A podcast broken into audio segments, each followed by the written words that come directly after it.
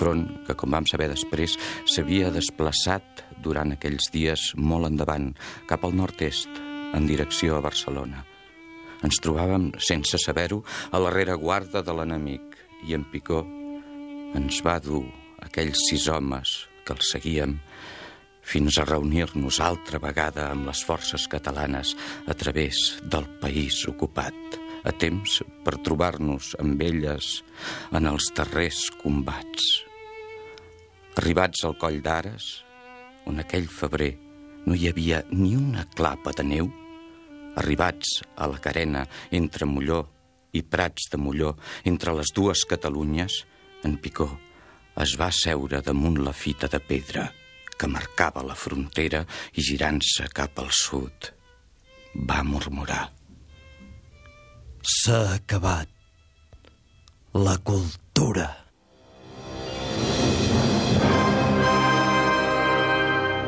Catalunya Ràdio presenta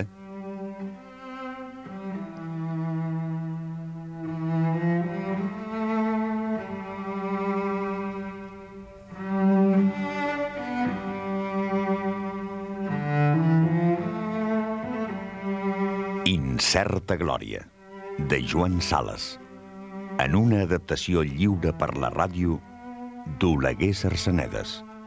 Muntatge Ramon Albero. Direcció Juan Germán Schroeder.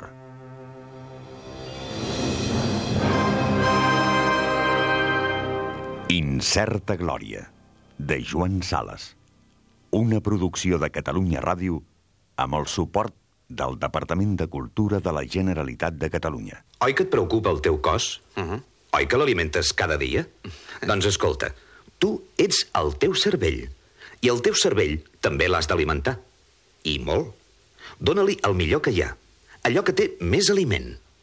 Els llibres. Tenen vitamina A, B, C, D, E, F, G, i així totes, fins a la X, la Y i la Z. Alimenta el teu cervell. Llegeix llibres. Catalunya. Endavant amb la cultura. Capítol 61. Estendal.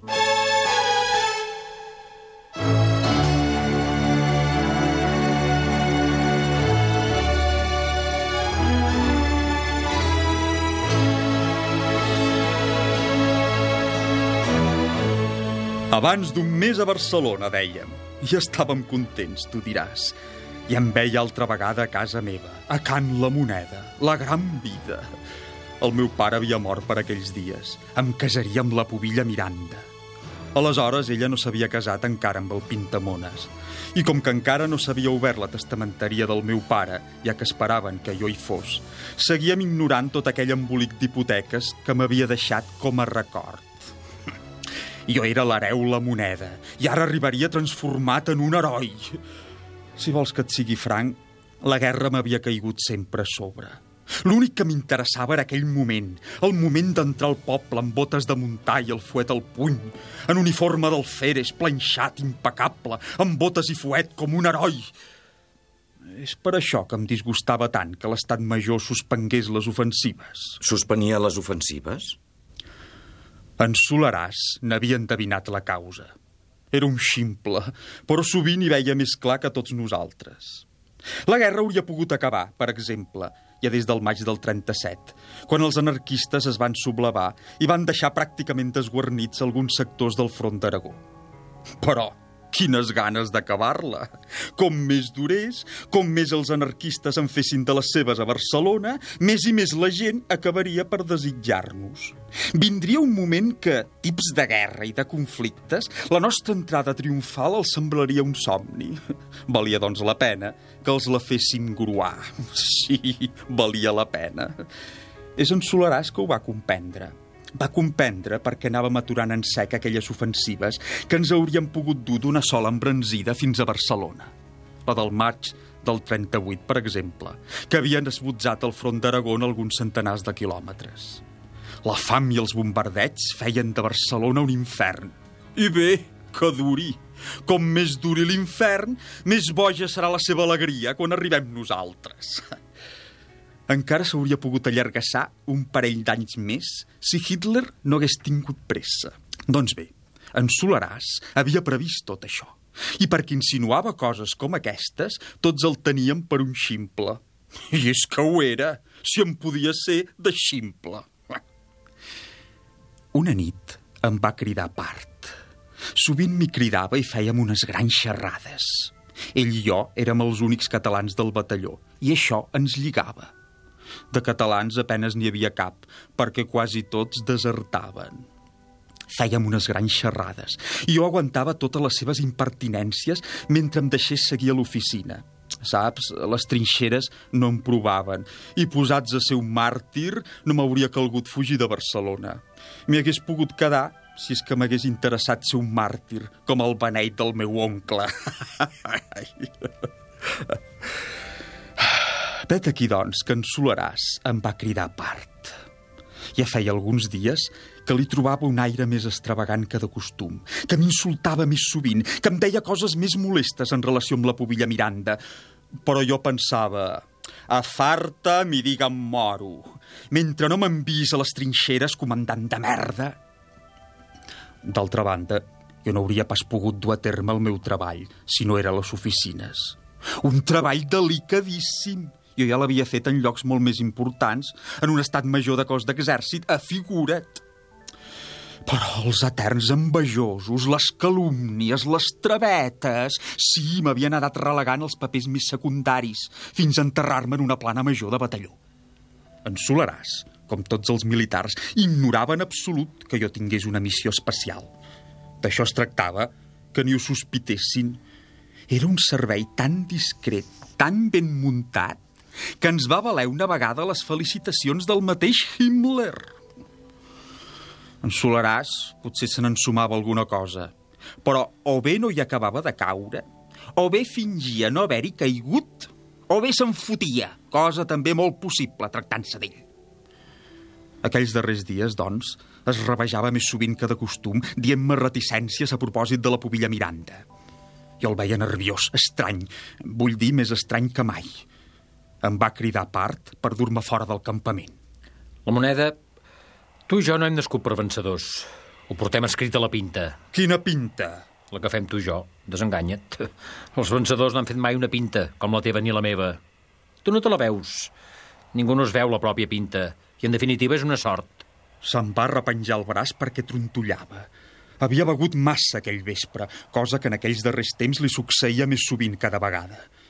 Mentre em parlava, em mirava de fit a fit i em venia el seu alè dret a la cara. Un alè tan carregat d'alcohol que si hagués acostat un misto hauria fet flamarada. Em desafiava amb aquella mirada i amb aquell alè. El que vull fer, ho vull fer a les teves pròpies barbes, per demostrar-te fins a quin punt me'n foto. Jo vaig donar una llambregada de reull cap endarrere.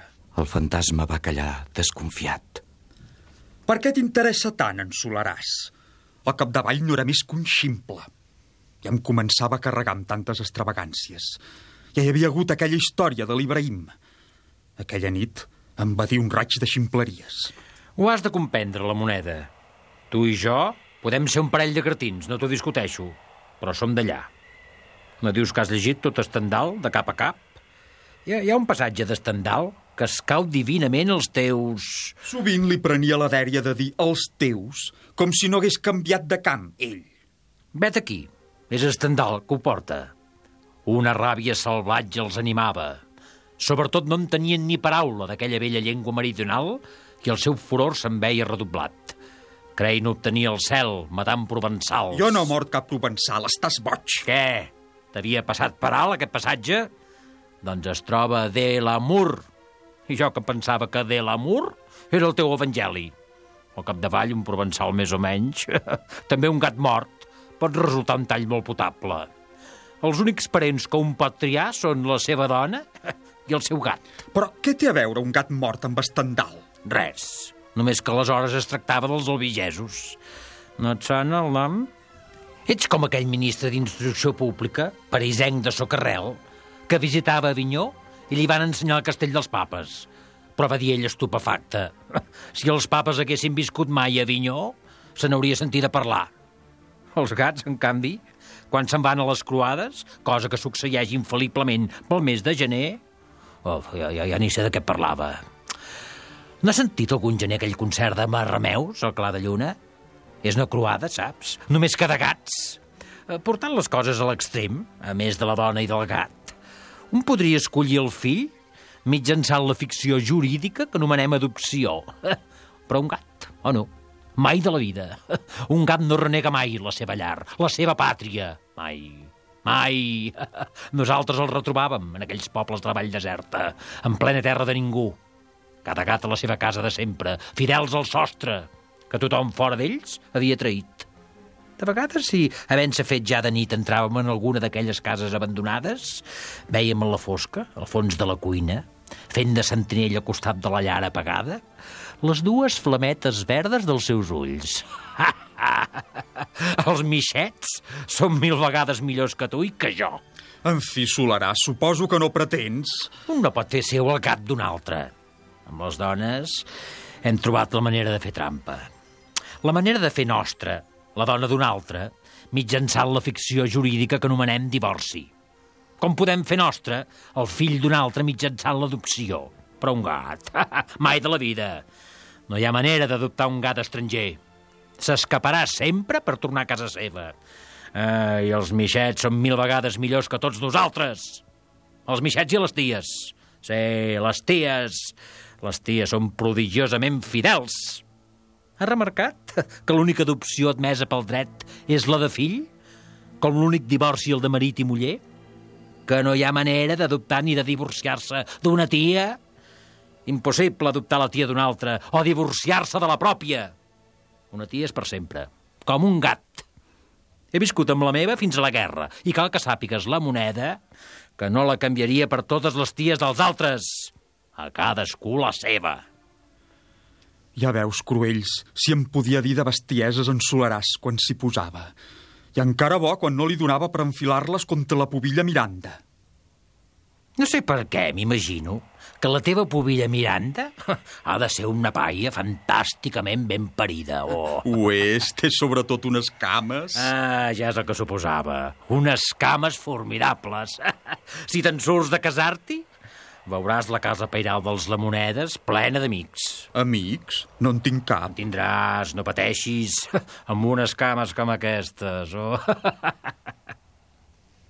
Sempre em vestirà bots, sempre clavant-me indirectes de les més pesades. I a més, jo tenia greus sospites, saps? Perquè hi havia hagut aquella història tan tèrbola del capità Ibrahim. Jo no volia que em comprometés amb noves imbecilitats. El creia capaç de tot i n'estava tip. El capità Ibrahim? És que hi havia, doncs, un capità Ibrahim? Uf, si em vols saber de coses, tu. Potser t'afigures... Què vols que m'afiguri? Si no sé res d'aquest Ibrahim. D'altra banda, jo no vaig conèixer el tal Solaràs més que vagament. És per un atzar que el vaig conèixer, sense tenir-hi gaire relació. En qui vaig entrar en relacions és amb la seva tia, a causa d'un suposat miracle de Santa Filomena. Ve-t'ho aquí tot. Em sembla que ja t'ho havia dit. Que no em pagaries un altre croissant?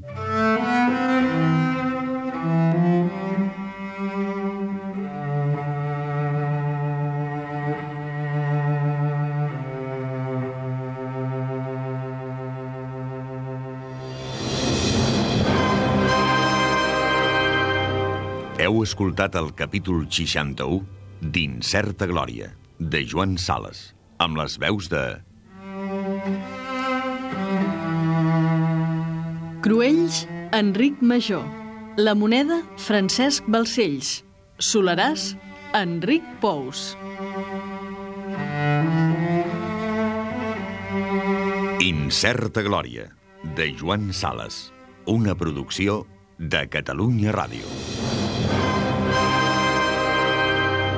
Amb el suport del Departament de Cultura de la Generalitat de Catalunya. Oi que et preocupa el teu cos? Uh -huh. Oi que l'alimentes cada dia? doncs escolta, tu ets el teu cervell. I el teu cervell també l'has d'alimentar. I molt. Dóna-li el millor que hi ha. Allò que té més aliment. Els llibres. Tenen vitamina A, B, C, D, E, F, G, i així totes, fins a la X, la Y i la Z. Alimenta el teu cervell. Llegeix llibres. Catalunya. Endavant amb la cultura.